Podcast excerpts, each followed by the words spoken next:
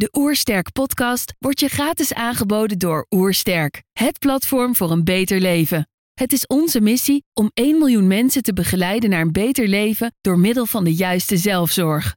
Wil je weten hoe jij kunt werken aan een beter leven? Ga dan naar www.oersterk.nu gezondheidscheck voor onze gratis gezondheidscheck en krijg direct jouw uitslag met persoonlijk advies.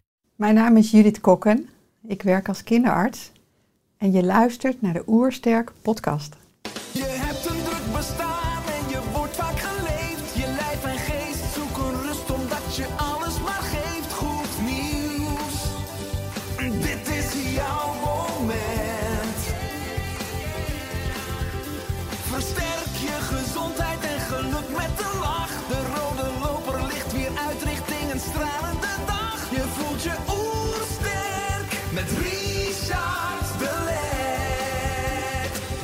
Zijn hier in Heemskerk voor een podcast met Judith Kokken. Judith is kinderarts en arts voor integrale en leefstijlgeneeskunde. Ze is initiatiefnemer van Kinderbuik Co. en auteur van meerdere boeken. Waaronder haar laatste boek Je bent je eigen medicijn. Ik ben benieuwd naar haar tips voor een beter leven. Trouwens, geniet je van onze podcast? Abonneer je dan en laat een reactie of review achter. Zo help je ons om het gezondheidsvirus te verspreiden. Let's start. De Oersterk Podcast. Een ontdekkingstocht naar een beter leven. Judith, welkom. Dankjewel. Je centrum Kinderbuik en Co. is de medische specialist voor kinderen en volwassenen met langdurige of onbegrepen klachten. In essentie is ieder mens zijn of haar kinderbuik. Wat bedoel je hier precies mee? Ehm, wat ik daarmee bedoel is dat, eh, dat er steeds meer kinderen met chronische klachten zijn.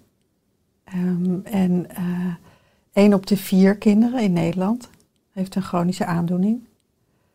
Ehm, en, eh, en wat ik zie, en, en ook bij mezelf heb ervaren al tijdens de opleiding, dat wij als dokter helemaal niet zijn opgeleid om chronische klachten te behandelen of te voorkomen.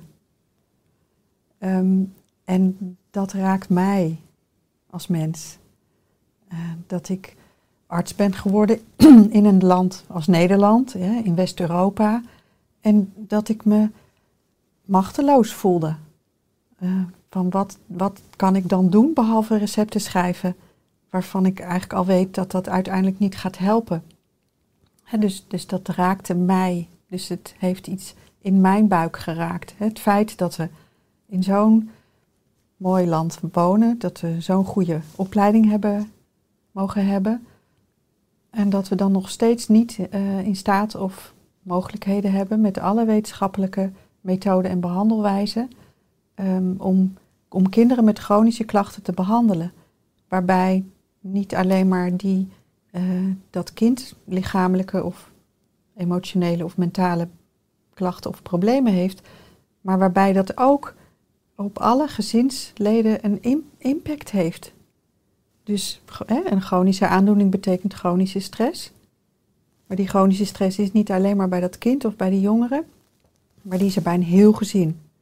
Dus hele gezinnen, één op de vier, hele gezinnen zijn afhankelijk geworden van dokters, van gezondheidszorg, van, van medicatie. Heeft een enorme maatschappelijke impact. Heeft een enorme impact. Want het is niet alleen maar buikpijn of hoofdpijn of moeheid of te dik of te dun of wat dan ook. Eh, het heeft ook een invloed op hoe je slaapt. Het heeft ook een invloed op hoe je eh, met je vrienden omgaat, hoe je vrienden maakt. Het heeft ook een invloed op je emoties, op je zelfbeeld. Eh, het heeft zo'n enorme impact hè, als er langdurig klachten zijn. En dan niet alleen bij één kind, maar ook in ieder geval bij de ouders en eventueel ook bij de andere kinderen in het gezin. Nou, dat is wat ik bedoel, hè, dat het dus. Eh, het, het raakt eigenlijk je kinderbuik. Want ja, je, je buik, je kinderbuik, dat is je stuk waar je emoties zitten, waar je gevoel zit, waar je blijdschap zit, waar je creativiteit zit. Ehm, en, eh, nou ja, en zoals je weet hè, zijn we human beings. Hè, in het Nederlands noemen we dat mens. Maar eigenlijk zijn we human beings. Hè, waarbij het human stuk, dat is het lichaam. Maar de being, dat is wie je bent. Hè, dus dat is wat denkt en wat emoties creëert. En die twee, die hebben een relatie met elkaar. Continu. 24 uur per dag. En zo zijn ze in harmonie. Dus zo zijn we eigenlijk hè, in balans. Zo voelen we ons goed. Als er chronische klachten zijn, dan is het heel vaak zo. Dus dan is er helemaal geen verbinding meer tussen het lichaam en tussen eh, de being. Hè? Dus tussen wie we zijn. Nou ja, Ja, mooi, want ik lees dat ook terug hè, op je website dat je hè, mens is een human being, hè, wat wijst op de samenwerking van de mens en het zijn, hè, ook lichaam en geest. ja. Eh, je werkt al meer als 30 jaar als kinderarts. Hè. Je bent gespecialiseerd in maag, darm en leverproblemen. Je noemt één op de vier kinderen. Is dat percentage ook echt toegenomen afgelopen 30 jaar? Ja, ja. Dus, dus vijf jaar geleden zei ik nog één op de vijf kinderen. En nu is het vijf jaar later één op de vier kinderen. En Dus dat zijn extreem veel kinderen. En gaat dat exponentieel? Weet je nog 30 jaar geleden toen je begon als kinderarts dat het toen echt veel minder voorkwam? Dat het toen Ja. 1 op de 10 was? Of misschien nog minder? Ja, ik denk echt dat het twee oorzaken heeft. Dus dat we het beter kunnen onderzoeken. Eh, hè, dus dat we beter in staat zijn om het te benoemen. Eh, hè, dat, dat weet je zelf ook heel goed. Dat het, het woord solk, dat bestond überhaupt tien jaar geleden niet. Ehm, en functionele klachten. Nou ja, als je daar als dokter over sprak tien of vijftien of twintig jaar geleden, dan was je eigenlijk ook maar een beetje een gekkie. Maar nu is dat gelukkig een, een diagnose die bespreekbaar is. Ehm, dus ja, we zijn beter in staat om er naar te kijken en om er aandacht voor te hebben. Ehm, maar ik denk ook dat, ja, dat gezien de tijd waar we nu in leven, dat het ook veel meer voorkomt. Ja. Dat, dat niet alleen maar volwassen mensen, maar ook kinderen en jongeren uit balans zijn. Eh, waarin dat lichaam schreeuwt om aandacht. Hallo. Kun je ook aandacht aan mij geven? We zijn zo gericht op de buitenwereld, op, eh, ja, op alles om ons heen. Hè, er komt ook, als ik naar mezelf kijk, eh, ik kom nog uit een tijdperk zonder telefoon, zonder internet. Hè. Ik heb een proefschrift geschreven, toen bestond PubMed helemaal niet. Ik heb al die referenties met me gewoon zitten intypen. Nou, wanneer ben ik gepromoveerd? In, is ook al heel lang geleden. Maar, 1995. oh, kijk, dat weet jij dan weer. Maar ik heb me goed voorbereid. Ja. Maar, hè, maar, maar kinderen van nu, die groeien allemaal op. Die hebben bij een half jaar hebben ze al een eigen iPad. Dus alle informatie komt binnen. Eh, de hele wereld komt bij kinderen binnen. Dus zo'n kind heeft enorm veel informatie te verwerken op een dag. Ja, als je natuurlijk dan die koppeling maakt dat we kinderen al heel jong verbinden, ook met apparatuur, hè, of het nou een smartphone is of een iPad is, waardoor ze misschien minder verbonden zijn met zichzelf, hè, ook qua lichaamsbewustzijn. Eh, je begeleidt natuurlijk heel veel mensen met onbegrepen klachten. Is het dan ook het gevolg dat mensen gewoon de signalen van hun lichaam niet opmerken of te laat opmerken of niet meer begrijpen wat het lichaam ze wil vertellen? Ja. Dat we die verbinding verloren zijn, letterlijk met onszelf, met, met, met ons lichaam, met onze geest, Ja, met ons zijn en met, met onze ziel, als je hem even iets breder trekt. ja dat is wat ik, wat ik zelf voel en wat ik geloof en zie. Eh, dus we heten human being. Hè? Dus ik ben een beelddenker, dus ik gebruik het de hele tijd mijn handen of, ik teken. Hè? Dus om er maar een beeld bij te hebben. Maar dit is een human being, het is geen human doing. Maar we zijn de hele tijd bezig. Dus wanneer je ouder bent, wordt, je bent de hele tijd bezig met plannen, met organiseren, met fixen, met controleren. Uh, en het gaat anders dan het plaatje in je hoofd. Ja, wat dan? Dan ben je meteen uit balans. Is meteen het evenwicht verstoord. Mm. Dus dan uh, is er weer iets nodig.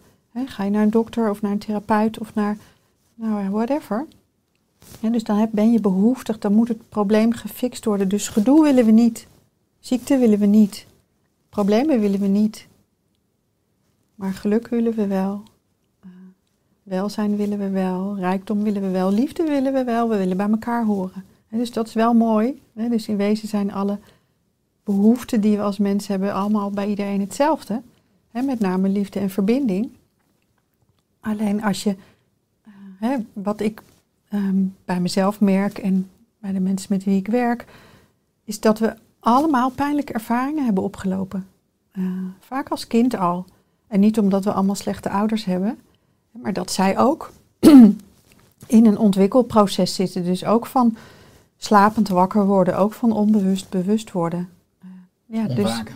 dus, ja, dus wanneer je ehm, liefde, erkenning, gehoord, gezien, gewaardeerd worden nodig hebt, maar je krijgt het niet, dat is pijnlijk. Dus als het pijnlijk is, geeft dat stress voor die human being. Bij stress gaat die verbinding uit elkaar. En dan ga je dit doen. Dus vanuit een overlevingsmechanisme, want dan hoor je er weer bij. Maar een overlevingsmechanisme betekent eigenlijk dat je je best gaat doen, gaat pleasen, hard gaat werken, jezelf gaat ontkennen. Dus allemaal dingen die je gaat doen die eigenlijk eh, niet gezond zijn. Nee, je gaat doen om te mogen zijn. Wat een Ja. verkeerde volgorde is. Ja, en dan gaat het lichaam, die gaat aan de bel trekken, die gaat je aandacht vragen. Nou, dat is wat ik zie. Nou, weer mooi, hè? want ik zie dat jij het beste eigenlijk van twee werelden verenigt. Het staat ook op de website. Hè? Je bent als arts namelijk ook gespecialiseerd in de integrale en de leefstijlgeneeskunde. Hoe is dat om die brug te bouwen? Want normaal als je in het medische systeem had je 10 minuten voor een consult en nu heb je een uur, hè? waardoor je kan aansluiten bij het hele mens zijn. Ja, nou ja, dat is, vind ik een cadeau. Het is een feestje. Ja, dus, eh, dus de grote uitdaging voor mij was eh, in de tijd dat ik in ziekenhuizen werkte. En dat is 20, 25 jaar geweest. Hè? Dus zo lang geleden ben ik nog niet met kinderbuik eh, en co gestart. Maar had je inderdaad maar 10 minuten voor een kind, voor een gezin. Alleen als maag, darm, lever, kinderarts kreeg ik kinderen op het spreekuur die al vijf tot tien jaar een zoektocht achter de rug hadden. Dus die hadden al eigenlijk alles al geprobeerd. En die wilden hun verhaal delen. Nou, dan kwamen ze binnen. eh, hè, en ik probeerde echt wel alle tijd en aandacht voor te hebben. Maar hoe is dat mogelijk in tien minuten? Dus dan verzon ik een list door wetenschappelijk onderzoek te doen. eh, en dan vanuit het wetenschappelijk onderzoek alsnog die tijd te kunnen besteden aan dat gezin door te luisteren. Ehm, en echt de tijd te nemen voor, maar waar gaat dit nou eigenlijk over? Dus wat is wat hier nou aandacht vraagt? En als dat er mag zijn, dus als het kan gaan over, ja, over dus de pijn van de being, van de binnenwereld, van dus die blauwe plekken die we allemaal hebben opgelopen in de loop van ons leven.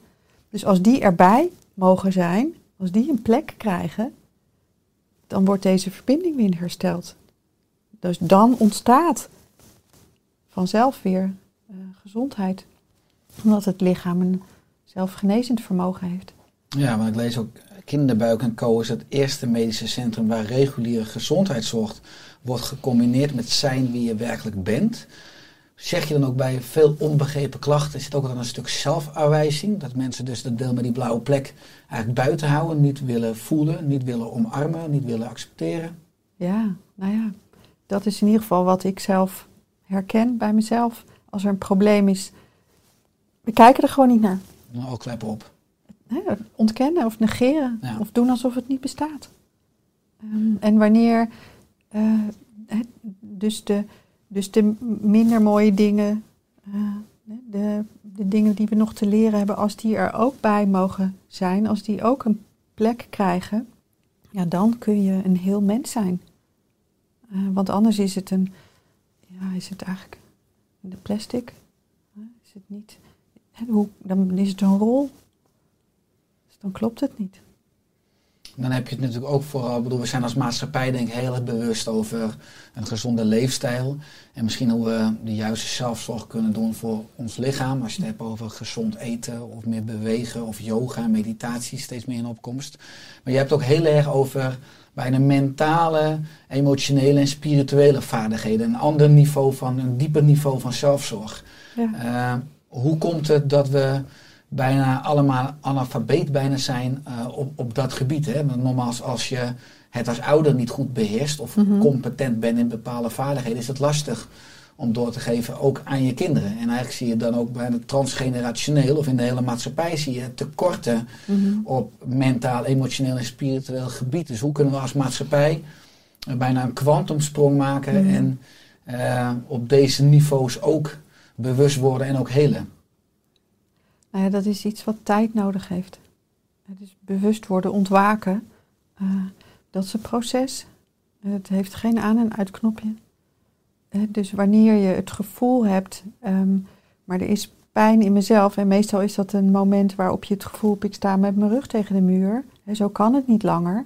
En of dat nou, eh, of dat nou lichamelijke of emotionele of mentale klachten zijn, of het relatieproblemen zijn, of het een, een breakdown is of een burn-out is. Of de meeste mensen maken in hun leven wel een of meerdere eh, situaties mee waarin ze denken, hé, hey, dat is eigenlijk een teken van dit.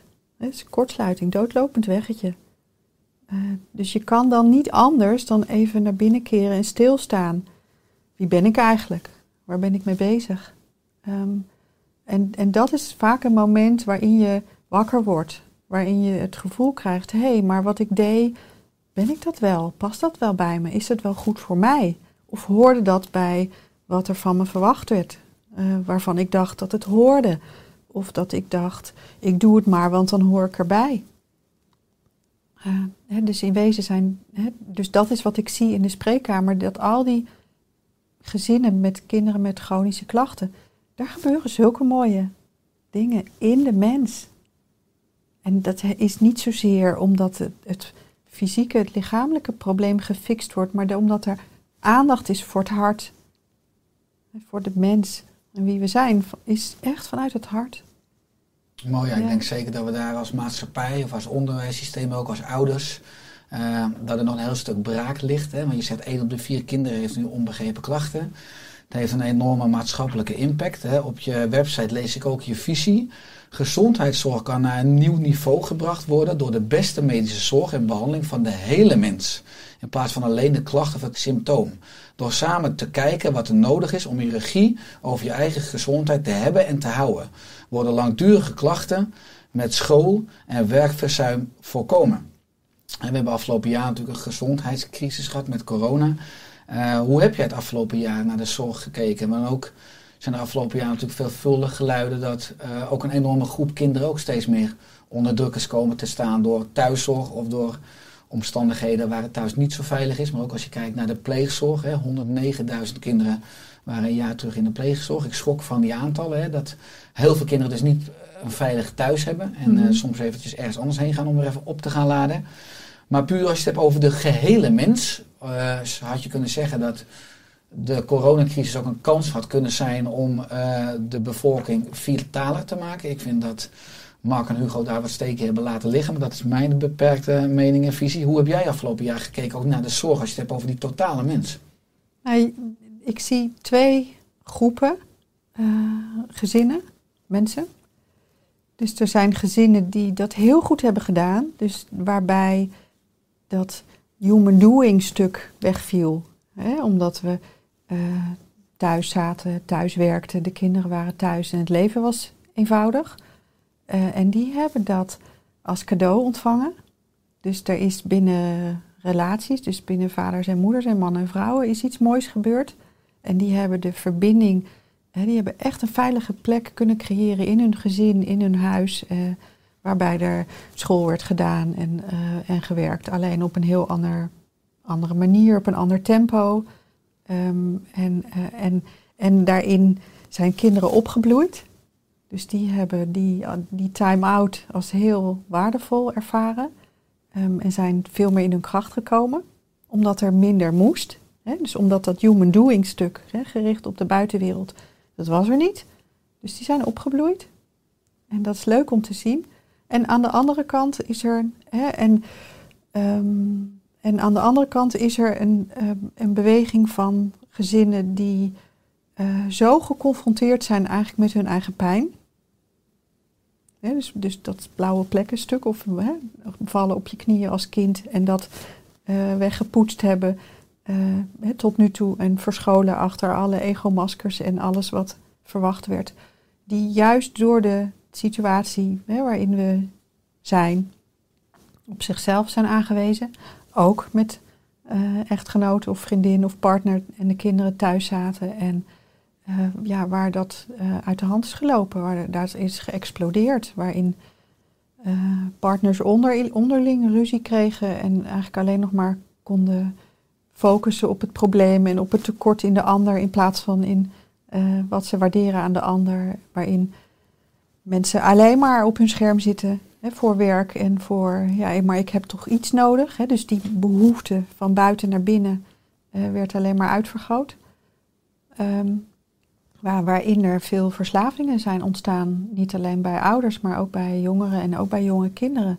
En dat, en dat kan van alles zijn. Hè? Dus dat kan op je telefoon zitten of op je beeldscherm zitten, maar dat kan ook eten zijn of dat kan ook eh, ruzie maken zijn. Of, eh, ehm, ja, en waarin er, eh, waarin er veel kinderen ehm, ja, bezig zijn, veel meer dan voor maart vorig jaar, met wie ben ik eigenlijk? En, en waarom zou ik nog mijn bed uitgaan? Uh, wat doe ik ertoe? Wat maakt het eigenlijk uit? Uh, ik sta op ochtends, ik pak mijn scherm en ik blijf in mijn bed liggen. En om drie uur lig ik nog steeds in mijn bed en ik heb nog steeds geen mensen gezien. En ik zit nog steeds tegen dat stomme scherm aan te kijken. En ik moet dit jaar examen doen. Hè, dus wanneer ik me verplaats in, in hoe dat is voor een jongere, um, hè, waarin als ik naar mezelf kijk, de juiste tijd van de jongeren gebruikt is om te onderzoeken, maar wie ben ik dan? Wat is mijn persoonlijkheid? Wat past bij me? Wat voor soort mensen horen bij me? Wat vind ik eigenlijk van mezelf of van het leven? Dus waarin je heel erg gaat onderzoeken, waar ligt de grens? Wat past bij me? Uh, waar voel ik me goed bij? Als dat betekent dat dat uh, in je eigen huis plaatsvindt, waarin je ouders en je broers en zussen ook slecht in de vel zitten, in de sfeer echt om te, om te schieten is en jij ligt in je bed met je schermpje. En je ziet nauwelijks leeftijdsgenoten, die, die kan niet meer sporten, want dat is natuurlijk ook een hele tijd geweest. Dat sportclubs dicht waren en kinderen niet meer konden sporten, niet meer naar school konden. Ja, dat is wel hè, zorgelijk. Dus, dus wat ik nu zie, hè, terwijl het eigenlijk nog helemaal niet normaal is. Hè, want dus, want het school, naar school gaan is, is nog steeds enorm beperkt. Waarin kinderen op dit moment één of twee dagen per week naar school gaan. En die andere drie dagen nog steeds voor dat stomme schermpje zitten. Um, ja, en, en, en dus of niet meer zijn gaan eten of veel te veel zijn gaan eten. Uh, dus die twee groepen, die zie ik veel meer nu. Ja. Ja. ja, voor de luisteraar, deze opname is uh, eind april 2021, dus we zitten er nu nog eigenlijk middenin. Hè? Ja. Uh, het mooie is dat je het net hebt over ego-maskers. Nou, het ego is natuurlijk ook altijd gekoppeld aan angst. In je nieuwe boek, de titel is Je bent je eigen medicijn, schrijf je... Angst zet het immuunsysteem en zelfherstellend vermogen van je lichaam op slot. Vaak spelen er ook onderdrukte emoties. Hoe kunnen we deze emoties vrijmaken en weer de rem van het immuunsysteem halen? Door ze erbij te halen. Door de aandacht en ruimte voor te geven. Dus ik ben niet perfect. Mag jij weten, mogen je luisteraars, je kijkers weten. No problem. Maar dat maakt mij mij. En, uh, dus wanneer ik alle dingen die ik, waar ik goed in ben en die ik waardeer aan mezelf, tezamen met de dingen die ik nog lastig vind en die ik nog mag leren, als ik daar allebei ja tegen zeg, dan kan ik mij zijn. Dan ben ik vrij. Is er geen probleem. En dan is angst dus minder belangrijk, want dan uh, kan ik het voelen. Dus wanneer ik het erbij haal, wanneer ik contact maak met wat ik voel, of het nou waar is of niet waar is, of het nou gebaseerd is op een zin die hier staat, hè, gebaseerd op pijnlijke ervaringen die we allemaal meemaken in onze kindertijd, maakt niet uit. Maar wanneer je het voelt, dus doorvoelt wat er is, in plaats van het wegduwt, ik wil het niet, ik doe net alsof het niet bestaat, en je gaat dus vanuit een overlevingsmechanisme leven. Nee, als je het erbij haalt, oké, dan, dan is er angst. En dat is na een paar minuten weer over. Nou, het kan zijn dat daar verdriet bij hoort en dat er tranen bij horen. Nou, oké, dat is oké. Okay. Ja, dus het is een manier van ontladen, maar ik ook, hoor heel erg over zeg maar, de rode draad in je woorden is ook van dat we juist niet zoveel moeten oordelen of hè, labels, etiketten plakken. Op je website staat ook gedachten uh, en emoties. Uh, omarm die en accepteer je zonder oordeel. Dat is een essentiële stap naar heling en uiteindelijk een manier om weer de regie te krijgen over je eigen gezondheid. Klinkt enorm simpel. Lukt dit jou ook altijd? Nee. Nee. En dan zeg ik, het is oké. Kom goed. Blijf oefenen. En dus Dus vriendelijkheid, compassie hebben, eigenlijk voor de imperfectie. Dus dat, ik ben work in progress. En, eh, dus dat betekent dat ik van iedere dag iets mag leren. En iedere dag dus op weg ben naar de beste versie van mezelf of de mooiste versie van mezelf. Maar zoals het nu is, is het voor vandaag goed. Want als je altijd, als het op weg bent naar iets beters, naar mooiers, dan zou het nu niet goed zijn. Nee, dat geloof ik niet. Dus zoals het nu is, is het goed.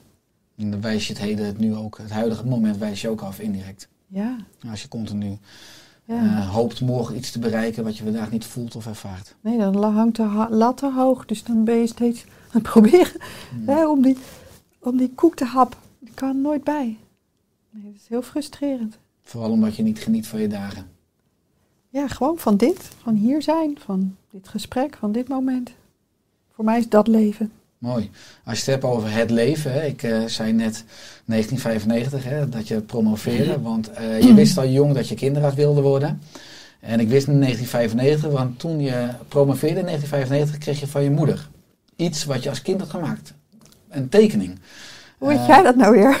Ja, mijn research gaat altijd heel diep, eh, Judith. En het was een bijzondere tekening, want, want wat stond op die tekening die je als meisje al had gemaakt? Ja, dat was best wel een gênant moment. Dus, dus ik merk aan mezelf dat ik weer denk, uh-oh. Want het was het promotiediner. Ik had een proefschrift geschreven en wij zaten eh, in een restaurant met alle hoogleraren en mensen die betrokken waren bij, die, bij dat promotieonderzoek en die, dat proefschrift. Ehm, en mijn ouders waren daar ook. En, en mijn moeder is eigenlijk een hele introverte, stille vrouw. Die ging, die ging- staan, met, kwam met iets naar me toe. En ik dacht echt, oh-oh. En ja, ik heb een cadeautje voor je. Oké, dankjewel. Dus ik maakte het open en, eh, en al die gezichten van die lange tafel allemaal naar mij. En ik dacht echt, oh nee. Het was een tekening die ik had gemaakt toen ik vier was. Wist ik natuurlijk niks meer van. En daar stond op, eh, dat, daar stond ik zelf op. eh, met een grote big smile. En een ziekenhuis in het bos met bomen eromheen. En daar stond dan eh, onder Judith Kokke, kinderarts. Dus eh, ik had hem echt gemaakt toen ik nog heel klein was. Eh, maar, maar het mooie vond ik daaraan dat mijn moeder het altijd onthouden had. Dat ik dat dus al zo vroeg zei. En dat ze toen wel tegen me zei, maar hoe kan je dat nu al weten? En daar was ik vrij vast besloten over. Eh, en dat is wel ook wel wat ik nu in de, in het dagelijks leven zie. Eh, dat wanneer er van binnenuit iets is wat je te doen hebt en je daar trouw aan bent, ja, dan, dan ga je het gewoon zien. Het wordt gewoon werkelijkheid. Dus ik, in wezen gebruik ik dat voorbeeld ook in de behandeling van de kinderen en de jongeren en de ouders met wie ik werk. Als je echt iets wil, het gaat gebeuren. Dus geloof het maar. En ga maar kijken, hoe ziet het eruit? Want wanneer je iets tekent, wanneer je iets vorm geeft, of je schrijft er een boek over, of je maakt er een liedje over, maakt er eigenlijk niet uit. Maar wanneer je je gaat voorstellen, hoe is het, wanneer? Dat, en, niet dat het uit je hoofd komt, maar gewoon uit je hart. Dus wanneer het echt een diep verlangen is, dan ga je het manifesteren. Dat is in ieder geval wat ik zelf heb gezien. En eh, ja, wat ik nu iedere dag gebruik in de medische behandeling. Dat is het eerste onderdeel van het plan wat we maken is... hoe ziet het eruit als we het eindpunt bereikt hebben? Hoe voel je je dan? Hoe zie je eruit? Hoe ziet je leven eruit? Hoe gaat het met je lichaam? Hoe voel je je dan in je binnenwereld? En meestal is het dan alleen maar de weg daar naartoe lopen, bewandelen. Ja, je gaat je doel gewoon halen. Precies, het, het piketpaaltje heb je in je hoofd al geslagen als het ware. We hebben Ja. enorme krachtige scheppende vermogens. Wat je Ja. zegt is denk ik waar. Waar een wil is, ontstaat een weg. Ja. En eh, die tekening is een mooi voorbeeld van de kracht van ons onderbewustzijn met betrekking tot manifesteren. Eh, nu kunnen mensen luisteren en denken, ja, dat klinkt eh, heel erg makkelijk of ook inspirerend, maar het gaat ook altijd om offers maken. Hè. Dat vind ik ook mooi aan jouw weg, hè, want ik lees in een interview met Fit met Voeding in 2018 dat de eerste jaren van je praktijk, hè, een holistisch kinderziekenhuis, geen geld opleverde. Hè. Je had zelf helemaal geen inkomen, maar zei je, je volgde je hart. Hoe was dat toen? Ehm, heel dubbel.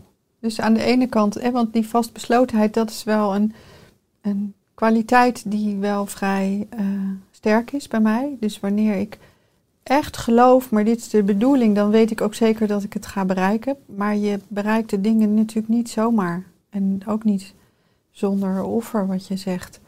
Ehm, hè, dus, dus wanneer je lang een goede baan hebt gehad met een vast inkomen en een goed pensioen en alle dingen die erbij horen. En je hebt dan geen baan, want ik heb mijn baan opgezegd en, eh, en, en, en je bent iets aan het creëren zonder dat ik een plan in mijn hoofd had of dat ik wist eigenlijk hoe het eruit ging zien. Eh, ja, dan betekent dat natuurlijk wel wat. En, eh, hè, en een ziekenhuis neerzetten vanuit niks. Ik had ook geen idee hoe dat moest. Eh, dus dat is wel enorm veel tijd en energie en aandacht en alles wat erbij hoort eh, geïnvesteerd. En zeven dagen in de week daarmee bezig zijn. Ehm, dus dat, en, en bovendien ben ik dat ook gestart in een tijd. ehm, en nu zijn we zeven jaar verder en, eh, en is de tijd alweer makkelijker. Dus nu kunnen we al makkelijker praten over leefstijl. Nu is body-mind al veel bespreekbaarder dan toen. De tijdsgeest is rijper. Ja, en eh, dus, dus de dingen gaan niet vanzelf. Eh, nee, nee. dus ik heb me lang in mijn leven ook als metafoor voor je luisteraars ook een, eh, een zonnebloem gevoeld op een voetbalveld. Dat ik dacht, is er dan echt maar één zonnebloem en ben ik dat? En waarom is er alleen maar gras om me heen? Waarom is er dan niemand zoals ik? En ik heb lang geprobeerd om gas te worden. Dus ik dacht, nou dan ga ik gas worden. Want dan ben ik in ieder geval hetzelfde als hem. Maar dat was helemaal niet goed voor mij. Dus ik ben zonnebloem. Oké. En ik heb niks tegen gas. Maar nu ben ik zonnebloem, zie ik heel veel zonnebloemen. Want ging jouw lichaam ook onbegrepen klachten geven aan jou als feedback omdat je gras wilde zijn terwijl je zonnebloem bent? Ik kreeg geen onbegrepen klachten. Ik kreeg eh, een heel. eh, in 2013 was het het jaar waarin er heel veel griep was. Dat heette toen geen corona, maar nog griep. Ehm, en ik werkte toen in een ziekenhuis met heel veel kinderen met, eh, met een afweerprobleem. Dus ik nam trouw de griepprik hè, om, om, om voor hen ook ze te beschermen en om zelf ook niet ziek te worden. Maar toch kreeg in dat jaar bijna iedereen in Nederland kreeg de griep. Dus mijn gezin eh, was ook ziek. Dus ze lagen alle vier in bed. En, en ik werkte hard en deed wetenschappelijk onderzoek. En had een groot team om me heen wat ik eh, begeleidde. Dus ik werkte hard en was eigenlijk best wel gestrest van dat allemaal. Maar ik ging door, no problem. Ehm, en eh, toen was mijn gezin weer beter en het was weekend. Ehm, en ik weet nog heel goed dat de vader van de kinderen zei: Ah ja, je ziet er niet helemaal lekker uit. Zal ik maar met de kinderen naar eh, Nemo, Nemo gaan, zei hij. Ik dacht: Ja, oké, dat is goed. En ze gingen weg en ik st- strompelde een beetje zo door het huis. En ik dacht echt: Het gaat helemaal niet goed met me. Ehm, hè, dus ik was benauwd en ziek en ik had koorts. En het ging echt alleen maar slechter en slechter. En op een gegeven moment heb ik een vriendin gebeld en gezegd: Volgens mij. eh, eh, is het goed als je komt. En volgens mij kunnen we beter even naar het ziekenhuis gaan. Maar ik was enorm ziek, dus ik had eh, dus inderdaad een griep, maar ook een dubbele longontsteking en een sepsis en een meningitis. Dus, eh, dus, dus wat, wat was dit? Ja. Dus geen chronische klachten, maar een acuut moment hè, Mhm. waarin mijn lichaam vroeg, hallo, En wat bracht je dat als je dan nu terugkijkt? ehm, mezelf. Ja. dus ik weet nog heel goed dat ik daar op de eerste hulp lag. En dat er ook een moment was. Niet, ik ga niet dood. Hè, want dat was wel, ik was echt heel ziek. Nee, het gaat nu beginnen. Dus toen ik beter werd, heb ik mijn baan opgezegd. En eh, ben dat boek, het eerste boek gaan schrijven, Kinderbuik. En ben gestart met het eh, oprichten van dat medische centrum, of medische praktijk. Was dat een veel langer, wat al langer sluimerde, maar wat je niet deed, of niet durfde? Ik durfde het niet. Ik dacht, ah, ik ben toch niet voor niks dokter geworden in een ziekenhuis. En ik wilde zo graag die brug bouwen tussen al die werelden, omdat ik geloof dat er maar één wereld is. Eh, dus al die jaren dat ik onderzoek had gedaan naar yoga, naar meditatie, naar eh, multidisciplinaire. Hè, dus aandacht voor de hele mens, leefstijl. Dat woord bestond toen nog helemaal niet, maar dat deden we deden we gewoon in de, in de dagelijkse praktijk. Maar door onderzoeksgeld eh, te verkrijgen, door innovatieprojecten te starten.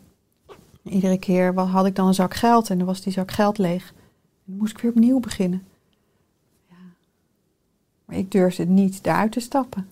Eh, nee. Dus door zeg maar dat ik zelf zo ziek werd, ja, dat was uiteindelijk mijn cadeau. Dus dat heeft me geholpen. Ga maar, doe het maar. Dat was echt wat ik voelde toen, toen ik op de eerste hulp lag. Dus dat was heel bijzonder moment. Ja. Ja, mooi, want ik zeg wel eens, we worden één keer in het leven geboren, maar we kunnen altijd later in het leven kunnen we herboren worden. En dit is eigenlijk ook een, Ja. een moment dat je herboren werd. ja, en ik ging dood. Maar ik werd Je wakker. Moest, je moest iets, iets oud sterven, ja. Ja. Ja. ja. zodat iets nieuws geboren kon worden. Maar zo voelt het sindsdien ook. Dus nu ben, ben ik, heb ik de regie, nu ben ik aan zet. Nu ben- heb ik de leiding. En is het niet meer mijn hoofd of mijn overlevingsmechanisme. Maar nu is het mijn hart en mijn intuïtie die vertellen of het goed voor mij is, of ik het wil. En, eh, en of het bijdraagt aan het grotere geheel. En, ik heb steeds minder last van wat vindt iemand anders ervan? Eh, past het wel? Bij wat hoort? Jammer dan. Mooi, fijn. Want dus in 2013, wat je zegt, ben je je eerste boek gaan schrijven. Ben je ook met je eigen Ja. centrum gaan opstarten. Ja, eh, waar je inmiddels eh, kinderen en volwassenen heel anders kunt begeleiden. Eh, op je website staat bijvoorbeeld een reactie van Edith. Hè. Zij is moeder van Iris van 13 jaar die een voedingsprobleem had. En ze zegt, wat een verademing is Judith. Ze is zowel een professioneel arts als mens. Ze is warm en betrokken. Hè, wat doet zulke feedback met jou? Eh, ja, dan denk ik. Goed zo. Ga maar door. Dus dat versterkt mijn vertrouwen in dat dit de weg is. Dat waarin, waarin, waarin we als mens met elkaar mogen zijn. En dat wij toevallig dokter zijn. Nou, zo be it. Maar wat met name belangrijk is, is dat we het mooie mens mogen zijn wie we zijn. En andere mensen mogen ontmoeten. Eh, en niet vanuit hè, dat de dokter hier staat en het weet. En de mensen die binnenkomen, die zijn patiënt, slachtoffer, hulpeloos, afhankelijk van de dokter. Nee, daar gelooft niks van. Dus, dus zo mogen we elkaar ontmoeten. Gelijkwaardig, zijn- op gelijke hoogte. Ja, Op ooghoogte. ja. Want dan kan je in, je- hè, kan, kunnen jij en ik in onze eigen kracht blijven. En kunnen de mensen die komen, die kunnen ook in hun eigen kracht zijn. Maar dan is het win-win. Want dan is degene die komt ook een spiegel voor mij. Dus dan iedere keer wordt er in mij iets geraakt, word ik weer versterkt in wie ik ben. En de ander die neemt ook weer de, het leiderschap eigenlijk over zijn eigen leven. En dus dat is de reden om, eh, om het boek te schrijven wat ik nu recent heb geschreven. Wat niet zozeer meer gaat over kinderen en, ehm, en ouders en leefstijl. En, ehm, maar, hè, en dus eigenlijk het, het praktische handboek, maar dat gaat veel meer over jij en ik. Nee, het boek Je bent je eigen medicijn. Ja, Ja. ja wanneer, wanneer wij rolmodel durven zijn en aandacht hebben voor al onze kwaliteiten, voor al onze leermomenten, en waarin we gaan waarderen wie we zijn, eh, ja, dan, dan ga je dat leven. Dus dan ga je dat ook in je werk meenemen. Dus dan wordt het één geheel. En dan komt er ruimte voor kinderen om, eh, om ook zichzelf te zijn. Want anders, een kind voelt wat er bij de ouders speelt. Dus wanneer jij gestrest thuiskomt en je kinderen vragen: Hé hey pap, hoe was je dag? En jij zegt: Ja, heel goed hoor. Zij geloven het niet. Dus in wezen, als je dat communiceert, maar je, de energie die je uitzendt is gestrest, dan is dat voor een kind onveilig. En dan gaat een kind naar je toe en die denkt: Nou, ik moet iets doen, want eh, papa die eh, voelt zich toch niet zo lekker. Maar wanneer je zegt en thuiskomt van ja, dit vandaag was gewoon eh, een stomme dag. Maar ik ben wel blij om jou te zien. Ja, dan klopt het. Ja, eens. Dus als je het gaat, dingen gaat doorleven, maar ook dingen gaat voorleven. Omdat voor kinderen is het natuurlijk veel belangrijker wat je doet dan wat je zegt continu. Omdat je natuurlijk ook die non-verbale communicatie is veel krachtiger. Ook Ja. met je intonatie. En, ja. Ja. ja, want als we nu kijken naar onze kinderen, hè, de aankomende generatie, het echte kapitaal van de maatschappij. Je benoemde al dat één op de vier kinderen onbegrepen klachten hebben. Eh, Ne- Nederlandse kinderen worden ook steeds zwaarder, hè, dus dikker. Eh, hoe kunnen we deze ontwikkeling omkeren qua gezonde voeding en minder schermtijd? Bijvoorbeeld als Mark Rutte bellen, Judith, ik volg je al een tijd. Eh, we hebben een nieuwe ministerpost, hè, ministerpost kinderbuik. Eh, hoe zou je de maatschappij veel meer gaan inrichten om ervoor te zorgen dat kinderen eigenlijk ook steeds vitaler worden en blijven? Nou ja, wat ik doe.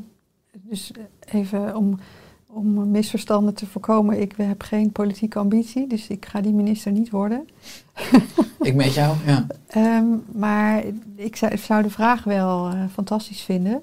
Ehm, waar, hè, waar als er dan ook een, een gelijkwaardig gesprek kan zijn en er ook echt geluisterd wordt naar, naar de ervaring die er is. Dus niet zozeer hoe kunnen we het van boven naar beneden eh, in, in, inzoomen, in, dus erin gooien, zodat iedereen dan maar weer moet doen wat er van bovenaf bepaald wordt. Dat is niet de manier. Eh, het gebeurt al.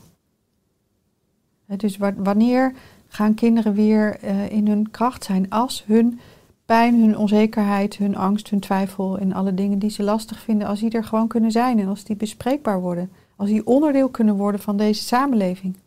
Dus als het weer kan gaan over waar word je blij van, in plaats van en, hè, en wat, wat zijn er aan mogelijkheden in plaats van wat zijn de problemen. Dus de focus is zo op, het is nog steeds corona, eh, er is nog steeds een avondklok, eh, ik mag nog steeds niet naar de sportschool. Nee, oké, dat klopt. Maar wat kan er dan wel?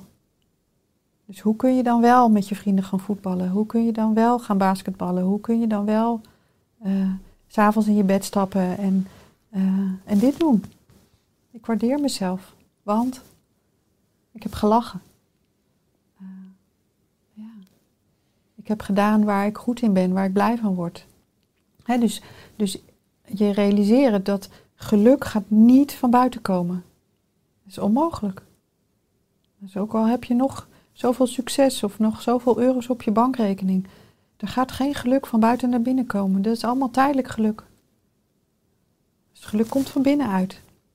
Dat betekent dat dus eh, alles wat niet goed gaat en wat niet fijn is en wat vervelend is, dat is ook onderdeel van het leven. Dus we hebben fijne en niet minder fijne dagen. We maken ziekte mee we hebben gezondheid.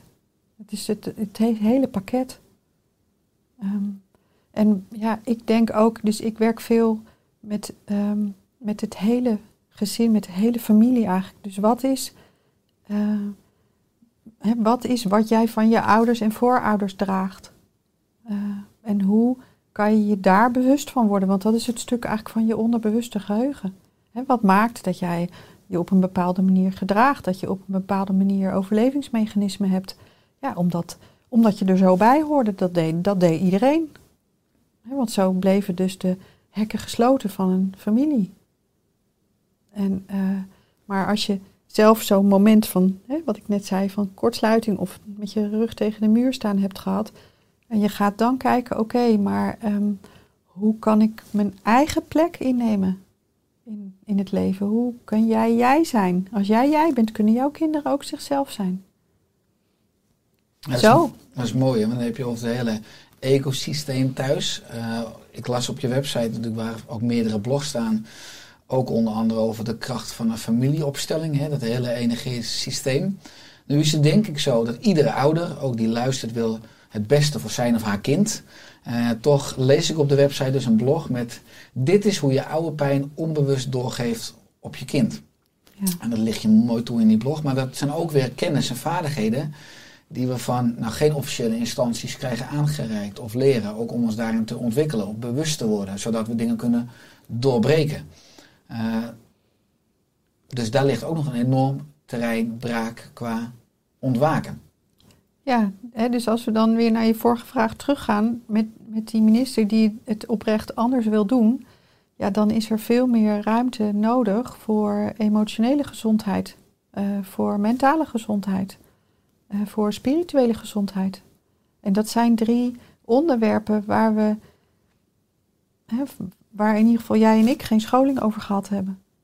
Dus daar is nog heel veel te leren. En eh, nou, dat kunnen wij alleen maar voordoen. Ja, want ik denk dat jij en ik, dat we beiden een optimistisch mens zijn. Maar als je kijkt naar de ontwikkeling van cijfers, hè, 30 jaar geleden begon je als kinderarts, bij wijze spreken met 1 op 10 kinderen die onbegrepen klachten hebben. Dan is dat vijf jaar geleden 1 op 5, nu is het 1 op 4.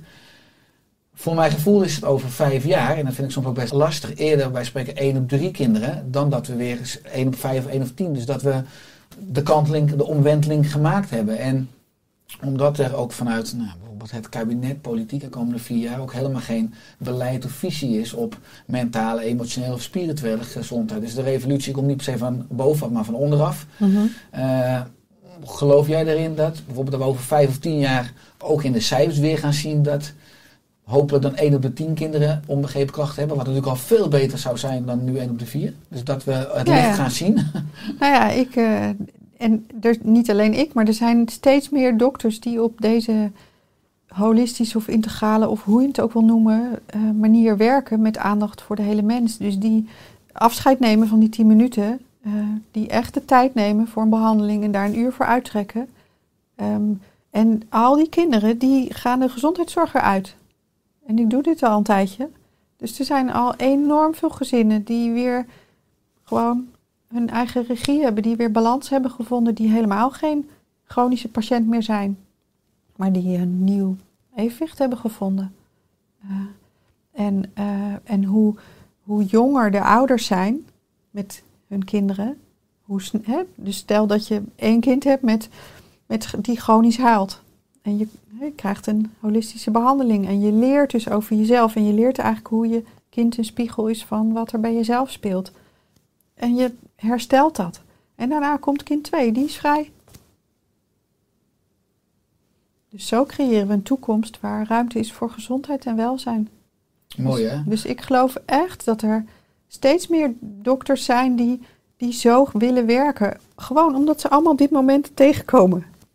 Het gaat niet over strijd tegen ziekte. Ziekte is niet de vijand. Het gaat over naar je toe halen van gezondheid. Want dat is wat we van nature zijn. We zijn onderdeel van de natuur. Daar horen we bij. Daar hoort gezondheid bij. Maar als je het hebt over als je een kind beter maken of ouders beter maken of het hele systeem beter maken.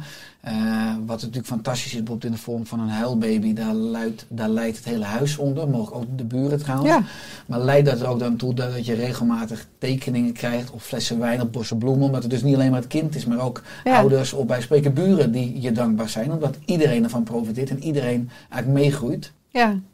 Ja, als je de deuren zou zien van de praktijk, die hangen helemaal vol. Ja, Met tekeningen in, Ja. niet met flessen wijn. nee. nou, ik drink geen wijn, dus dat krijg ik niet. Maar tekeningen, heel veel. Ja. Ja. Hoe, maar dat is fantastisch. ja. Maar als Dus dat maakt voor mij een dag eh, waardevol. Dan denk ik, ja, goed bezig. Gewoon doorgaan. Niks van aantrekken. Ja, mooi. Go- gewoon doorgaan. Als je het hebt over gewoon doorgaan, ook zoals wij hier nu zitten als mensen luisteren. We, iedere minuut halen we adem. Daar las ik ook wel wat over. Want ademen helpt je om de switch te maken van buiten naar binnen. En je had het over drie vragen die helpen bij het houden van focus. Namelijk vraag 1, hoe gaat het met je? Vraag 2, wat doet de situatie die er is met je? En vraag 3, wat heb ik nu nodig? Zijn dat drie vragen die je ook regelmatig laat terugkomen in de spreekkamer? Ja, ik ben wel van de praktische. Dus dat het handen en voeten heeft. Dus wanneer je die in je, in je behandelschriftje schrijft, als kind of als jongere of als ouder, en je gaat, komt er naar terug. En, hè, en je bent steeds zelf het centrum, eigenlijk het eh, uitgangspunt van wat je doet.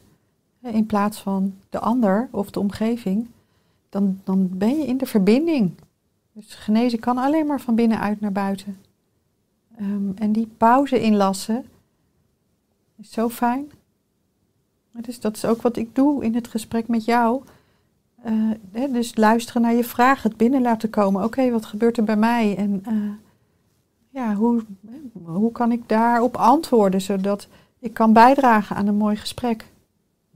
Wat goed voor mij is en dus voor jou en dus voor je luisteraars. Dus in die volgorde. Dus die pauze is zo belangrijk. Dus anders gaan we maar door, praten we maar door, doen we maar door. Een pauze is essentieel. Dus met je aandacht ademen. Prachtige pauze. En dan naar je buik bedoel ik, hè? niet uh, hyperventileren. Ja, dat vind ik ook mooi, want eigenlijk die derde vraag, wat heb ik nu nodig? Dat is natuurlijk zo'n essentiële vraag, omdat er geen kind of volwassene is die bij een dokter komt en misschien vanuit zijn hoofd denkt: ik heb een pilletje of een medicijn nodig, hè, want ik heb klachten. Maar wat heb ik nu nodig, is eigenlijk een heel ander antwoord als je hem gaat beantwoorden vanuit je hart en vanuit je buik. Wat voor antwoorden krijg je zoal hè, als je aan kinderen of volwassenen vraagt van hè, wat heb je nu nodig? Of als ze aan zichzelf vragen wat heb ik nu nodig? Heel vaak levert dat al tranen op. Dus binnen vijf minuten. Dus wanneer uh, de andere mens, hè, of die nou in een groot of klein lichaam zit, merkt dat ik aandacht heb, oprechte aandacht. En ook echt wil weten, waar kom jij nou eigenlijk voor? Wat heb jij nou eigenlijk nodig? Ja, dat geeft zoveel ruimte, dat geeft zoveel uh, opluchting. Ja, dan zegt een kind vaak ja, dat ik me weer fijn voel, dat ik weer kan spelen. Uh, of dat mijn ouders naar me gaan luisteren. Uh, dat ik me niet meer zo onzeker voel. Dat ik niet de hele dag in mijn hoofd leef en alleen maar de ene gedachte naar de andere krijg. Dus juist met, hè, dus dit zijn de eerste vragen die ik stel als ik een, een, gezin voor de eerste keer ontmoet. Ja, dan heb je meteen al een mooi gesprek. Aan de hand van drie vragen. Ja, fantastisch. Want wat, me, wat ik enorm leuk vond in de voorbereiding ook van dit gesprek, is toen ik ook door je blogs op je website aan het gaan was, had je ook een enorm prikkelende blog met dit zijn de grootste valkuilen van de pamper-generatie. En je schrijft in deze blog, hè, iedereen heeft pijn, maar lijden is een keuze. En ontstaat vaak onbewust wanneer je pijn niet kan of wil accepteren. En dat fascineerde mij enorm, want hoe komt het nou eigenlijk dat we verdedigingsmechanismes hebben, vaak al onbewust, die heling blokkeren? Die ontwikkelen we uh, vanuit onze jeugd om erbij te horen. Dus om bij het familiesysteem te horen. Dus er wordt generatie op generatie uh, wordt er pijn doorgegeven. Van niet gehoord worden, niet gezien worden, niet geliefd zijn, niet gewaardeerd worden. En hè, wat ik al eerder zei, dat is niet omdat, omdat mensen slecht zijn, maar, maar mensen zijn aan het overleven. Dus we moeten hard werken, want er moet geld verdiend worden, want iedereen moet eten. Dus dat is natuurlijk hoe generaties geleden het leven voor een groot deel eruit zag. En nu is dat inmiddels anders en hebben we veel meer welvaart en veel meer luxe eigenlijk. Maar die energie die uh, zit wel in iedere cel en molecuul van je lichaam. Dus wanneer je uh, iets nodig had, dus er, er, was een ziekte of er was geruzie thuis of er was wat dan ook. Hè, dus een, stressvolle gebeurtenis. En je had als jong kind iets nodig en je kreeg het niet, dan, dan was dat pijnlijk. En um, dus dan was dat zo stressvol dat je dat bij wijze van spreken niet kon voelen. Dus dan verplaats je dat naar je onderbewuste geheugen. En bijvoorbeeld um, kies je dan on, onbewust voor het overlevingsmechanisme uh, altijd blijven lachen. Maar als, je, als hier de zin staat altijd blijven lachen, dan betekent het dus dat hoe erg het ook is, of hoe stom het ook is, of wat er ook gebeurt, jij blijft altijd lachen. Maar hoe laat je dan jezelf in de steek? dus dan is er, dan is die human being, die, dat is hier. Dat is hier lichaam en hier is denken en emoties die vanuit een overlevingsmechanisme functioneren. Dus dat is enorm lijden. Dus er komt een moment dat of er emotionele of mentale klachten of relationele klachten komen, of het lichaam gaat keihard schreeuwen. dat is ook wat ik je net vertelde, wat er bij mij gebeurde. Het, het, dus het enige wat je dan kan doen is weer de weg verbinden naar jezelf. We zijn human being, dus dat lichaam hoort bij die binnenwereld. En wanneer pijn en, en verdriet en ellende en er mag zijn, een plek krijgt, doorvoeld kan worden, dan, dan is er heelheid. Dan gaat er uh, heling plaatsvinden, wat natuurlijk veel verder gaat dan genezing. genezing, ja, je, kunt, je kunt je arm breken, gipsje erom, zes weken wachten, klaar is Casey. Heling is anders. bot is genezen. Ja, Ja. Dat is, dat is een oppervlakkiger niveau dan echte heling op alle niveaus. ja.